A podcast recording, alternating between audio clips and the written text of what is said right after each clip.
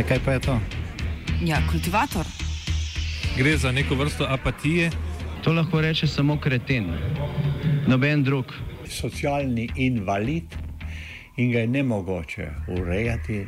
Drugi kandidat.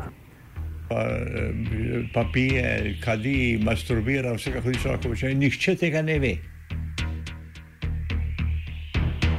Vsak petek skultiviramo dogodek tedna. Lahko po kriterijih radio študent, težko pa po evropskih kriterijih. Ampak na drug način, kot vi tu mislite. Kultivator vedno užge.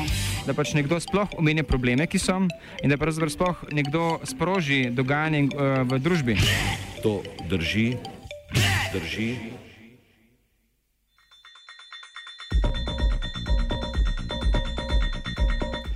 Drugi krok sindikalnih pogajanj.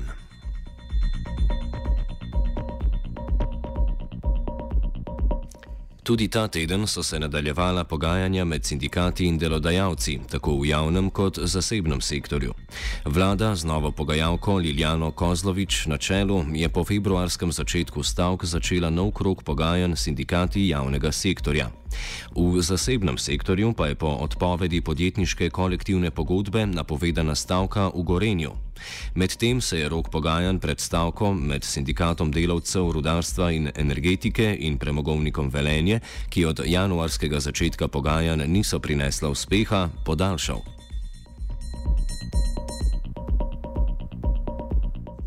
V javnem sektorju so se ta teden odvila prva srečanja nove vladne skupine s sindikatom za zdravstveno nego, sindikatom za socialno varstvo, konfederacijo sindikatov Slovenije Pergam in sindikatom za vzgojo in izobraževanje.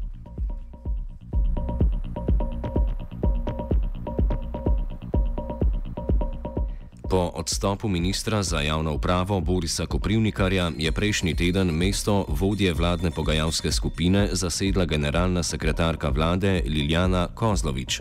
Ta je več slovenskim medijem zatrdila, da so se na vladi približali zahtevom, zahtevam sindikatov javnega sektorja. Ministrica za finance Mateja Vraničar Erman pa je povedala, da so finančni okvir za pogajanje sindikati na vladi sprejeli soglasno. Obseg tega finančnega okvira ni znan. Predsednik Konfederacije sindikatov Slovenije Pergam Jakob Počivalšek je ocenil prvo srečanje z vladno pogajalsko skupino, potem ko je ta zamenjala vodjo. Včeraj so pogajanja prvič eh, potekala uh, pod novim vodstvom na vladni strani. Uh, kar se tiče pogajanj, uh, jaz ocenjujem, da vzdušje je boljše, kot je bilo prej, ko je pogajanja vodil na vladni strani ministr Koprivnikar. Dejstvo je, da konfliktov v preteklosti, ne samo v tem zadnjih pogajanjih, konec lanskega leta in letos, ampak tudi že prej, je bilo s prejšnjim pogajalcem kar nekaj in uh, tega vidika mislim, da, je, da, da lahko pogajanja potekajo v bolj konstruktivnem vzdušju. Vladna stran je tudi po svojih predlogih naredila določen korak naprej od tistega, kar je bilo do zdaj na mizi vladne strani.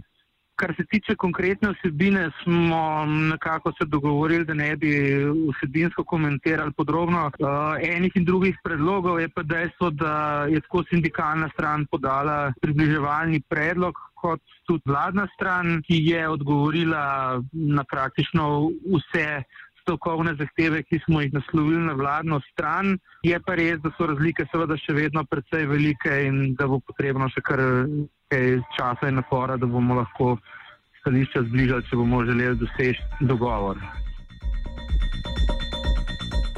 Generalni tajnik sindikata vzgoje, izobraževanja, znanosti in kulture Branimir Štrukel pogajanja in spremembe, ki jih je prinesla zamenjava vladnega pogajalca sredi pogajanj, prav tako pozdravlja. Zdaj, prvi vtisi so pozitivni. Uh, uh, zdi se, da bo možno mnogo bolj uh, konstruktivno se pogajati, da ne bo tega dodatnega šuma, ki se je uh, sproščal stalno uh, v prejšnjem obdobju zaradi različnih nepreverjenih enostranskih izjav, ki so drževale predvsem z vladne strani ali pa kakšnih rokohitrskih potez.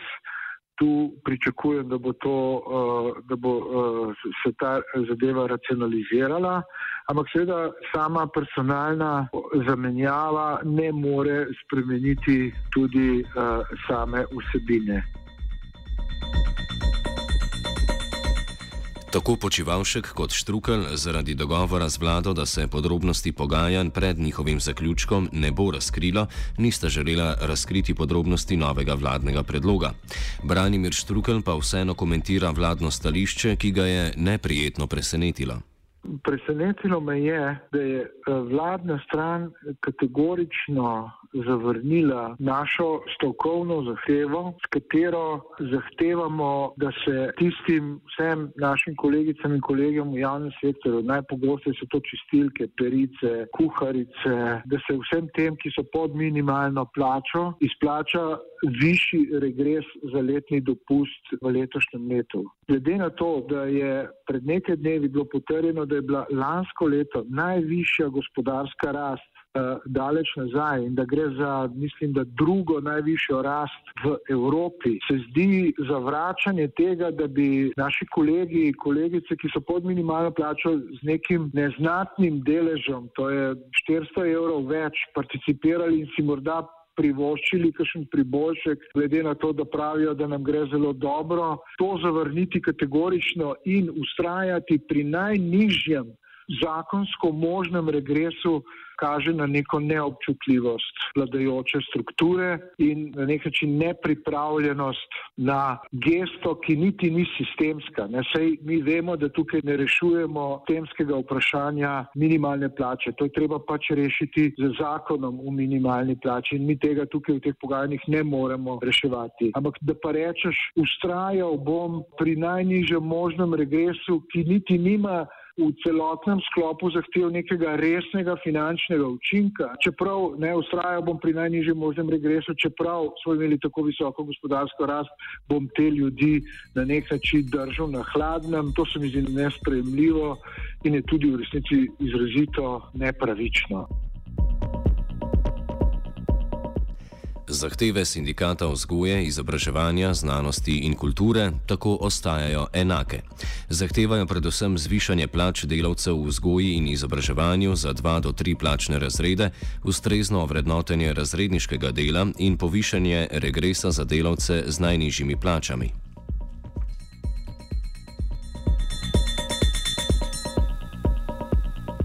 Branimir Štrukel komentira nov vladni predlog in izrazi skepso v uspeh pogajanj pred 14. marcem. Za takrat je namreč napovedana nova stavka izobraževalnega sektorja. Vlada je včeraj prišla z nekim predlogom, ki je eh, pravzaprav ne spreminja po vsebini stvari, zgolj se je na nek način premaknila iz tega praznega vrtenja, v katerem smo se prej vrteli dva, tri mesece in v nekaterih predlogih se je po moji presoji premaknila v napačno smer, ne v negativno, ampak napačno. Napačen, napačno je oblikovala svoje predloge, za, ki so za nas v resnici uh, nespremljivi. Tako da ostajam skeptičen glede tega, da bi bilo možno temi predlogi naše stavke zaustaviti.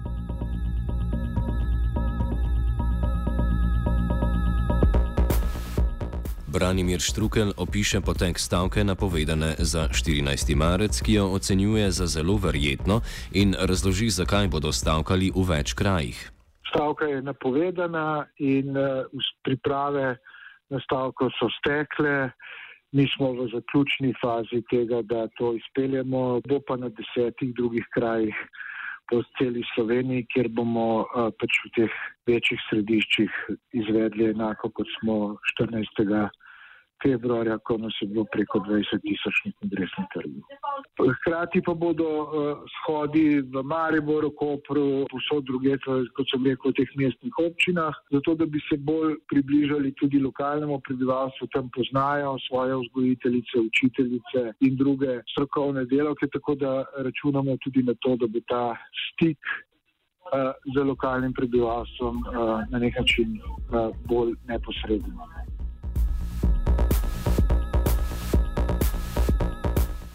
Drugi krok pogajanj se bo nadaljeval v drugem tednu.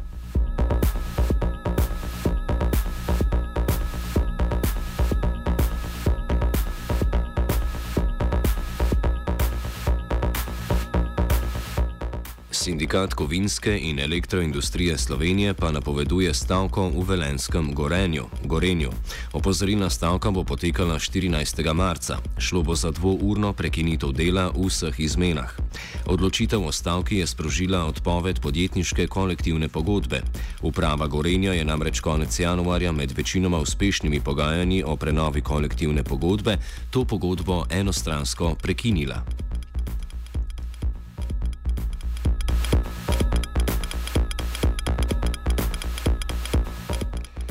Žan Zeba iz sindikata kovinske in elektroindustrije Slovenije pojasnjuje, kako je uprava Gorenja preklicala kolektivno pogodbo in predstavi napoved stavke kot logičen odziv. Zdaj pač uprava se odločila in je šla v odpoved podjetniške kolektivne pogodbe. Jaz bom povedal, da, da je naša ocena, da je bilo to v tem trenutku uh, nepotrebno in nespametno. Zdaj tudi ne poznamo primera, da bi nekdo odpovedal zaposlenim podjetniško kolektivno pogodbo zaradi uh, pogajanj okoli dopusta. Uh, vse skozi tudi se ponavlja, da smo mi v zadnjih dveh letih bili izredno konstruktivni, da smo skoraj celoti že prenovili podjetniško kolektivno pogodbo. Odpovedana je pa iz razloga, ker se dve leti nismo predstavili z mrtve točke. Mislim, to je samo po sebi tudi kontradiktorno. Zdaj, uh, logično je, da se pri odpovedi podjetniške kolektivne pogodbe, ki je nekaj najhujšega, kar se lahko zaposlenim zgodi, uh, zaposleni pač odzovejo z napovedjo stavke. Zdaj, z odpovedjo podjetniške kolektivne pogodbe so ogrožene zagotovljene čisto vse pravice, ki jih pač v tej podjetniško-kolektivni pogodbi imamo, se pravi dodatek na delovno dobo, uh, jubilejne nagrade, solidarnostne pomoči, uh, plače, uh, dopust.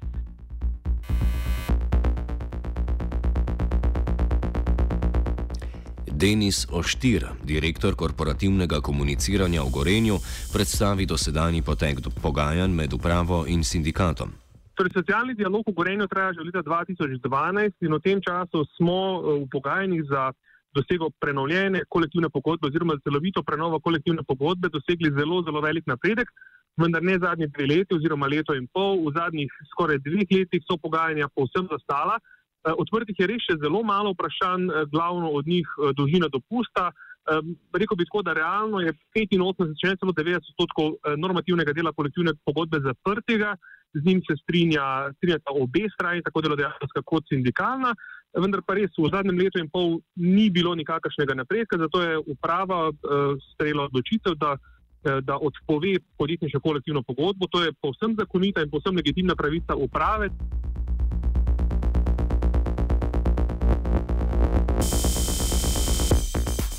Glavna točka nestrinjanja med upravo in sindikatom v pogajanjih o prenovitvi kolektivne pogodbe pa je predvsem dolžina dopusta.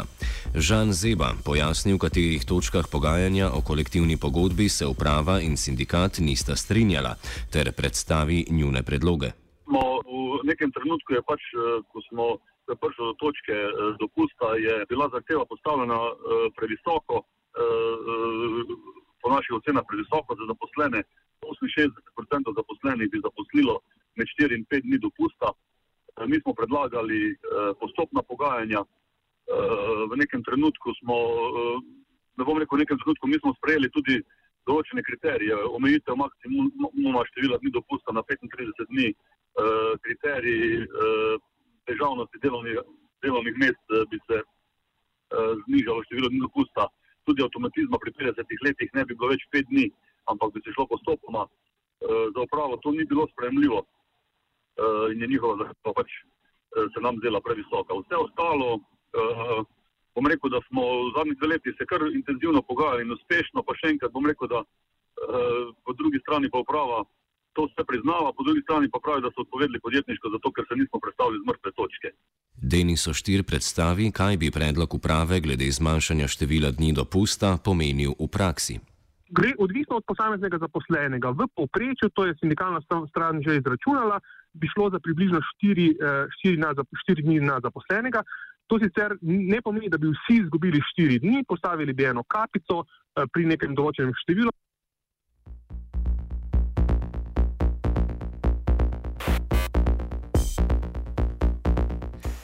Kljub pripravljenosti uprave pogajanja trenutno ne potekajo.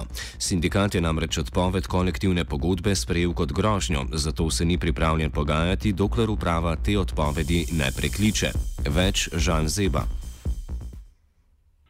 Uprava bi se želela pogajati s tem, da so nam odpovedali podjetniško kolektivno pogodbo. E, to je, bom rekel, tudi e, ena nezaupnica socialnemu dialogu. Vse skozi govorimo, kako dober je socialni dialog in potem ti nekdo odpove podjetniško kolektivno pogodbo.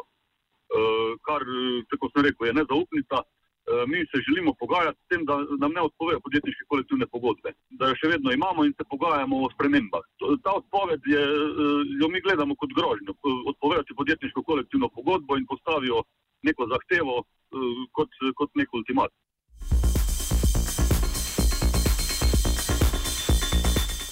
Denis Oštir pa predstavi, zakaj se je uprava odločila odpovedati podjetniško kolektivno pogodbo sredi pogajanj, v katerih sta se obe strani strinjali glede večine vprašanj.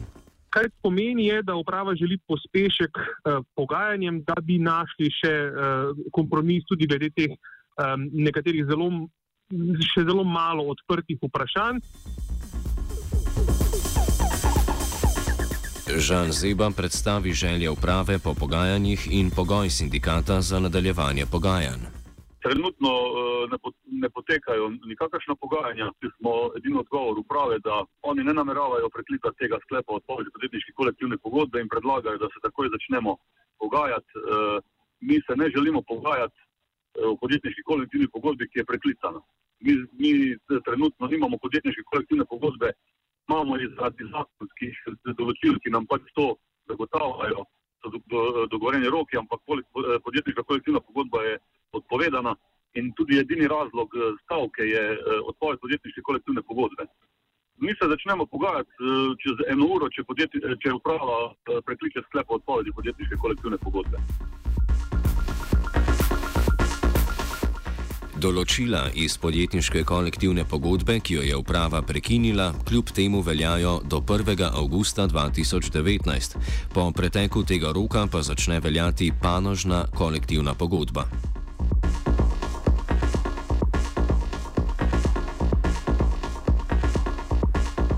Kultivirala je geja.